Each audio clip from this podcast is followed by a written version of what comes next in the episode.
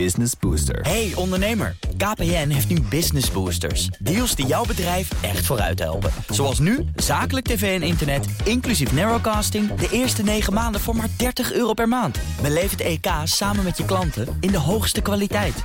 Kijk op kpn.com slash businessbooster. Business Booster. Dennis Wiersma is vandaag precies één jaar minister voor primair en voortgezet onderwijs in het kabinet Rutte 4. En hij staat voor grote uitdagingen. Het niveau van het onderwijs moet snel omhoog. Daar is iedereen het over eens ongeveer. En er is een gigantisch lerarentekort dat snel opgelost moet worden. Is hij daarmee in zijn eerste jaar al opgeschoten en kunnen de andere problemen in het onderwijs dan wel wachten? Hij is bij ons aan tafel, dus we vragen hem zelf. Welkom Dennis Wiersma. Ja, dank. Ja, precies één jaar uh, bent u minister. Um, net als uw collega's natuurlijk in het kabinet. maar welke onderwerpen vroegen nou dit afgelopen jaar het meest van uw tijd en aandacht? Oh, poeh. Um, best wel veel onderwerpen. En uh, het is ook zo'n moment met kerst, oud en nieuw. Dan ga je ook even terugkijken en toen ook vooruitkijken. Als ik dan terugkijk, dan hebben we echt wel heel veel in gang gezet. Dus als je kijkt gewoon naar de basisvaardigheden, is zo'n onderwerp gewoon goed lezen, rekenen, schrijven. Maar ook kansengelijkheid. Ja. Dat het niet uitmaakt eigenlijk op welke school je zit. Voor, zou moeten uitmaken. Zou moeten uitmaken, ja. eens, ja. Uh, voor ook hoe goed het onderwijs is, maar ook de kansen die je daar krijgt om daarna een mooi, uh, mooi leven verder op te bouwen. En dat zijn wel twee grote onderwerpen die een rol spelen. Maar je kijkt ook wel naar. Kijk, voor mij is het ministerschap. Ik begon vorig jaar ook. Dat was mijn eerste keer dat ik minister werd. Dus je kijkt dan ook even terug. En dan is het best wel ook een pittig jaar. Je zet heel veel in gang. Maar je leert ook heel veel. Ik leer ook weer heel veel in zo'n jaar. En ja. ik zie ook dat het onderwijs, als we een jaar terugkijken, dat was net een schoolsluiting was er nog ja. uh, geweest. He, er waren enorme vertragingen. Dus lockdown. Hoe, hoe, en, en dan ga je allerlei nieuw beleid bedenken. 60 maatregelen in een coalitieakkoord. Nou, dat komt allemaal door die ene deur van dat klaslokaal binnen bij die uh, leraar. Dat is best wel pittig. Nou, zelf moest ik ook natuurlijk wennen aan dit uh, werk. Dus ik heb me wel voorgenomen ook om komend jaar nog beter te kijken hoe gaan we dat nou ook zo doen dat het ook voor iedereen uh, werkt. Want we moeten ook, ook een beetje in de gaten houden. Ja, en als u dan kerstvakantie of kerstreces had en u blikt zo een beetje terug met een glas wijn in de hand misschien. um, wat zijn dan de, de concrete dingen waar u het meest trots op bent? Ik ben best uh, trots in de basis. Niet uh, zozeer dat ik dat in gang gezet heb, maar hoe hard er in het onderwijs gewerkt wordt met soms steeds minder mensen, met een hoge werkdruk, met best veel vertraging bij leerlingen, grotere klaslokalen met meer leerlingen. En dan toch uh, daar je beste beentje voortzetten. Soms in coronatijd meer bezig zijn met organiseren dan met onderwijs geven dat is ongelooflijk pittig. En dan heb je vaak ook het moment wel, denk ik, dat je denkt, nou ga ik dit wel doen? Ja. Heb ik er wel zin in? Maar dan, dan, bent u eigenlijk trots op die leraren die dat allemaal Enorm trots op de leraar die dat toch blijft ja. doen. Maar ik vroeg naar waar u zelf trots op bent, op uw eigen uh, Nou, het is voor mij heel acties. bijzonder om daar dan aan mee te mogen werken. En wat ik merk bij die leraar is dat dat bord best wel vol is. Um, dat wij ook vanuit Den Haag heel veel van die leraar vragen. Ook heel veel op het bordje gooien. Er moet ja. van zwemmen tot EHBO, tot duurzaamheid, tot uh, racisme. Allemaal belangrijke onderwerpen. Maar als je het allemaal op het bordje gooit en je geeft nog net een zak geld om een goed gevoel zelf te hebben. Maar eigenlijk is het niet je werkbaar. dan niks op. Dus wat wij moeten doen is zorgen dat er focus is in de klas. Dat we helpen ook dat bordje leger te maken. Dat we helpen om er meer collega's omheen te zetten. En dat als je dat werk doet, dat het ook gewoon goed uh, loont. Dus het salaris goed is. Dus we hebben het salaris verhoogd. Daar ben ik trots op. We hebben voor werkdruk extra nou, geld beschikbaar gezet. Zodat je iemand anders soms kan laten surveilleren. Mm -hmm. Nakijkwerk voor je kan doen zodat het ook nou ja, een beetje ontzorgd wordt in het werk wat je moet doen voor die leerlingen. Die soms ook wat extra begeleiding nu nodig hebben. Dat je daar soms ook wat extra tijd voor hebt. Ja. Dat allemaal hebben we in gang gezet. Maar ik realiseer me ook, daar moet nog een heleboel uh, bij komen die jaren. Ja, want over dat lerarentekort. Ja, u, u zoekt nog uh, meer dan 9000 fulltime leraren in het uh, primair onderwijs, in het basisonderwijs. En 1700 in het voortgezet onderwijs. Ja, dat, is een, dat zijn enorme aantallen. Nou is, is er overal krapte op de arbeidsmarkt. Maar hoe maken we dat onderwijs dan aantrekkelijker? Nou, de salaris is natuurlijk een hele belangrijke. En wat, wat zijn nu andere ideeën daarover? Ja, salaris, maar dat is niet het enige. Hè. Mensen kiezen niet voor het onderwijs om, uh, vanwege het salaris. Het, het, het gros kiest ervoor omdat ze zich realiseren hoe belangrijk het onderwijs is voor leerlingen. Dat dat de sleutel uh, jou in handen geeft voor de basis uh, van je leven. En dat als dat goed is, dat je daar heel veel van hebt. Maar ook merkt als, je daar, als het niet goed is, dat je ook daar echt last van hebt verder in je leven. Dus kiezen omdat ze dat vak mooi vinden. Maar als je dat doet met een steeds grotere klas, dan is dat best uh, ingewikkeld. Dan vind ik in ieder geval dat wij die waardering moeten uitspreken. Mm -hmm. Dat is deels financieel, maar ook als samenleving. Dat we soms niet alleen moeten zeggen dat we het belangrijk vinden, maar ook ons best moeten doen andere mensen te interesseren voor onderwijs. Ook mensen die dit luisteren, is het ook iets voor jou, dat onderwijs. En dat we ook ons best doen, ook als we niet in het onderwijs werken, om toch een beetje te komen helpen. Soms kunnen we op uh, basisonderwijs kunnen we best helpen om met voorlezen of iets uit handen te nemen. Aan de van, ouders. Uh, uh, nou ja, als ouder te helpen voorlezen in de Ja. klas of met een een groepje leerlingen uh, te helpen die soms wat meer moeite hebben Dus met meer lezen. ouderparticipatie eigenlijk. Het zou heel goed zijn dat we met z'n allen ons best doen om op die school te helpen. Niet om je op te dringen, maar wel om de vraag te stellen: kan ik ook iets, uh, iets Ja. doen? En uh, goed, ik- dat gebeurt overigens op veel scholen ook. Maar ik denk wel dat we met ons allen realiseren hoe belangrijk het onderwijs is. Maar het gaat niet vanzelf, uh, wordt het makkelijker in het onderwijs om dat werk te doen. Dus daar zullen we met z'n allen ook de schouders onder moeten zetten. Ja, en los, kijk, die ouderparticipatie. ehm, ik kan best goed voorlezen, maar ik ben geen, ik ben geen leerkracht. Dus daar lossen we het onderwijsprobleem Zeker heel- niet. Nee, dus dat is ook niet genoeg. Het is alleen wel zo dat je ziet dat alles komt nu op het bordje van die leraar. Ehm, van het organiseren van het Sinterklaasfeest tot aan een open dag, Ja. tot aan surveilleren op het schoolplein tijdens de pauze. En dat zijn best wel dingen die kan je echt met meer mensen doen dan alleen de leraar. En laten we nou zorgen dat die leraar zich kan concentreren in die les op die basis bijbrengen. Dat gewoon goed leren, lezen, rekenen en schrijven. Want we hebben echt een zorg. Dat zien we de afgelopen jaren echt naar Ja, beneden 20 gaan. jaar al hè, daalt dat. Ja, dat daalt. Ehm, en, en dat is eh, zorgelijk, want dat betekent daarna hoe goed je een sollicitatiebrief kan schrijven, hoe goed je een boek kan lezen in het vervolgonderwijs. Dat is nogal eh groots. En als dat niet goed gaat, dan is dat betonrot in je onderwijssysteem. En als we dat ook nog eens zien, dat juist op die scholen waar leerlingen het het meeste nodig hebben, dat daar het minste nu aan hen geboden kan worden, Dat- dat, krijg ik wel heel veel eh, nou, bultjes van. En buikpijn, wou ik zeggen. Ja, maar bultjes buikpijn. is ook een mooie metafoor. Ja. Uw collega-minister, Robert Dijkgraaf, hij wil een einde maken aan het streven om iedereen in Nederland maar zo mo- hoog mogelijk op te leiden. Op zoveel plekken hebben we gewoon vakmensen nodig.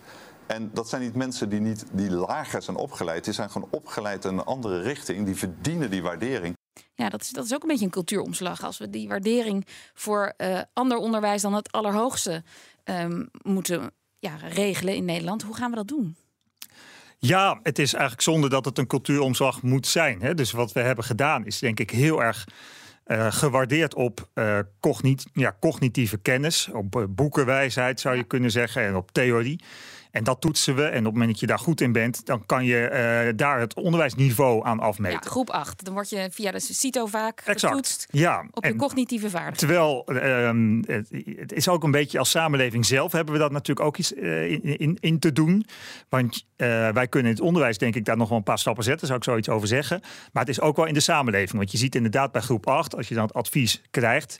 Ik kom ook op scholen waar ehm, eh, soms de verhalen hoor dat ouders al bij een HAVO-advies aan het huilen zijn omdat ze daar eh, hun kinderen toch echt niet naartoe zouden willen sturen. Ja, dan daar moet ik dan ook van huilen, zou ik Ja. willen zeggen. Maar juist Ja. vanwege een andere reden dat dat eigenlijk natuurlijk niet normaal is. Eh, Je wil je kind het beste geven. eh, dat is voor elk kind anders. Daar kunnen alle kwaliteiten ook een rol spelen. Maar dat moet je, eh, daar moet je niet een druk op zetten eh, met hoger en beter. Volgens mij werkt dat niet. Het is ook totaal niet in lijn met wat de samenleving vraagt. Als we kijken naar wat is Nederland, wat hebben we nodig, wat voor land zijn we, dan zijn we het land van, van vakmanschap, van iets kunnen, praktijk. We moeten een hele energietransitie door. Enorm. Dus het, het, het, het, eigenlijk slaat het ook nergens op. En het is ook best wel gek. Ik denk dat er zijn best wel mensen die dan ook wel boter op hun hoofd hebben. Dat je misschien je kind pusht om toch HAVO of VWO te doen. Ondertussen misschien wel ondernemer bent en klaagt over het gebrek aan vakmensen. Ja, dat kan niet heel goed samengaan. Dus je wil het beste voor je kind, maar we moeten het besef hebben dat het beste voor je kind ook heel goed praktijk kan zijn. Ja. En wat moet ik doen dan? Ik zou moeten zorgen dat we dan in het basisonderwijs en ook in het voortgezet onderwijs die praktijk ook veel meer in balans brengen met de theorie. En dat ook waarderen, dat je daar ook cijfers voor kan halen. En dat je niet alleen maar praktijk hebt zometeen op het VMBO, maar ook op de HAVO, ook op het VWO. En wat mij betreft ook al in het basisonderwijs. Maar we En gaan daar nu. dan ook op getest wordt. Dus dat je een soort CITO-toets voor handvaardigheid of ambachten krijgt. Nou, we zullen moeten kijken hoe, we dat dan, hoe je dat op de goede manier doet. Maar dat dat allebei iets is waar je goed in kan zijn. Ja. Dat je daar gewaardeerd op kan worden. Dan hoef je niet daarna. Nu hebben we heel vaak een gesprek over. Ja, hoe verleiden we mensen om te kiezen voor een vak? Ja, op het moment dat je nooit dat vak hebt gehad en je hebt daar niet in gezien dat je daar goed in bent en misschien wel beter in was dan in theorie. Mhm. Je hebt daar niet een soort uh, heel goed cijfer voor gekregen en heel veel waardering voor gekregen ja, dan gaat het ook niet uh, makkelijker worden om er daarna voor te kiezen. Nee. Terwijl we die waardering wel hebben. geld te maken. Dat op het moment dat je eenmaal die baan. Want ik denk dat ouders ook denken. Uh, die denken niet alleen naar uh, de universitaire studie. of HAVO, VWO of gymnasium. maar wel, welk geld je straks per maand op de, op de bankrekening krijgt. en of je daardoor een huis kan kopen en voor je gezin kan zorgen. Ja. Als je een universitair geschoold bent, krijg je gewoon een hoger startersalaris. Ja, ja, maar dat is ook een beetje 1990 of 2000 of 2010. Hè.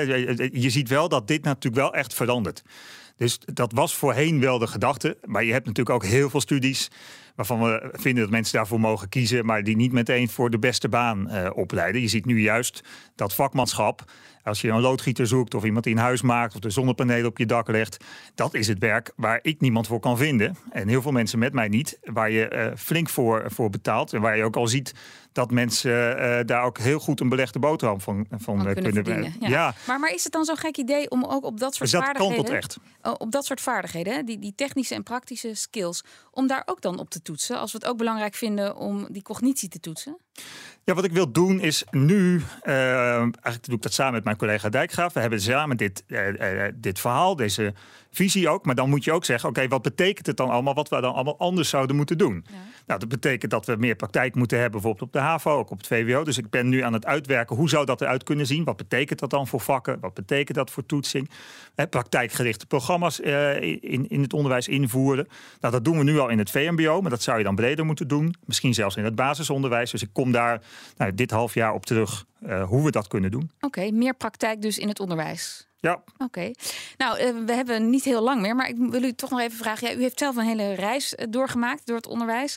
MAVO, HAVO, HBO en universiteit. U heeft gewoon het hele spectrum uh, ervaren en kent u dus.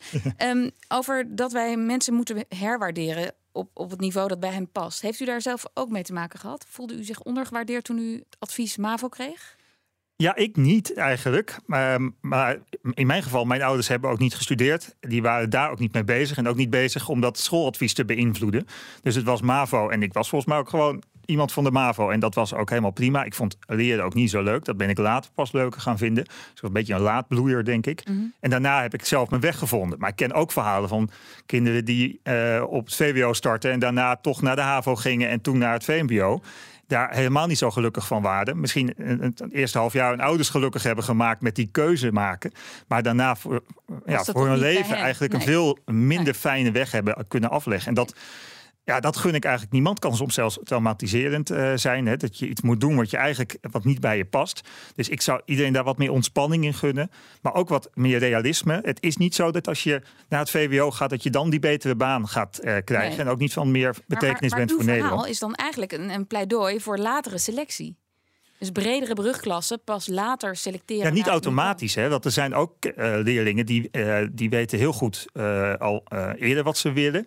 Er zijn ook leerlingen die hebben soms al wat meer uh, nodig in een eerdere fase. Die wil je niet, zelfs niet tot de eerste klas wachten, maar misschien al in groep 7, groep 8 iets bieden. Dus het gaat veel meer om kijken wat heeft elke leerling nou echt nodig en dat moet je bieden. Maar soms kan het zeker zijn dat je later selectie wil. We hebben ook brede brugklassen. Die mogelijkheid is er ook in Nederland. Ik heb ook allerlei geld beschikbaar voor scholen die zeggen wij willen dat bij ja. ons doen. Dus die ruimte geef ik ook, maar het is niet automatisch het recept voor, voor iedereen. iedereen. Ik denk dat dat Nee. een misvatting is. Oké, okay, nou, u bent nu een jaar bezig. Um, we hebben nog één vraag, heel kort antwoord. Wat wordt nu het volgende jaar topprioriteit? Die leraren, de kwaliteit van het onderwijs of iets anders? Poeh, um, ik denk wel echt de basis, kurk waar we op drijven, zijn die leraren. Maar de manier waarop we dat gaan doen, dat geldt ook voor mij. Uh, dit werk kan je alleen doen met zoveel ambities, als je dat wel elkaar ook in de gaten houdt dat het te doen blijft. Dus dat werkdruk. is voor het onderwijs wel heel belangrijk. Overigens ook voor mij, ook voor mijn ministerie. We hebben zoveel te doen dat we onszelf er ook wel gek mee kunnen maken. En ik heb me wel gerealiseerd, we moeten daar ook wat ontspannender mee doen, mee zijn. En ook in het onderwijs wel proberen de ruimte te bieden om alles wat we daar beter willen, Ja. dat het ook wel kan op de goede manier. Nou, we houden, hou ons op de hoogte en uh, we vragen er graag snel weer naar. Dank u wel, Dennis Wiersma, minister voor Primair en Voortgezet Onderwijs. Business Booster. Hey ondernemer, KPN heeft nu Business Boosters. Deals die jouw bedrijf echt vooruit helpen. Zoals nu, zakelijk tv en internet, inclusief narrowcasting... de eerste 9 maanden voor maar 30 euro per maand. Beleef het EK samen met je klanten in de hoogste kwaliteit. Kijk op kpn.com businessbooster. Business Booster.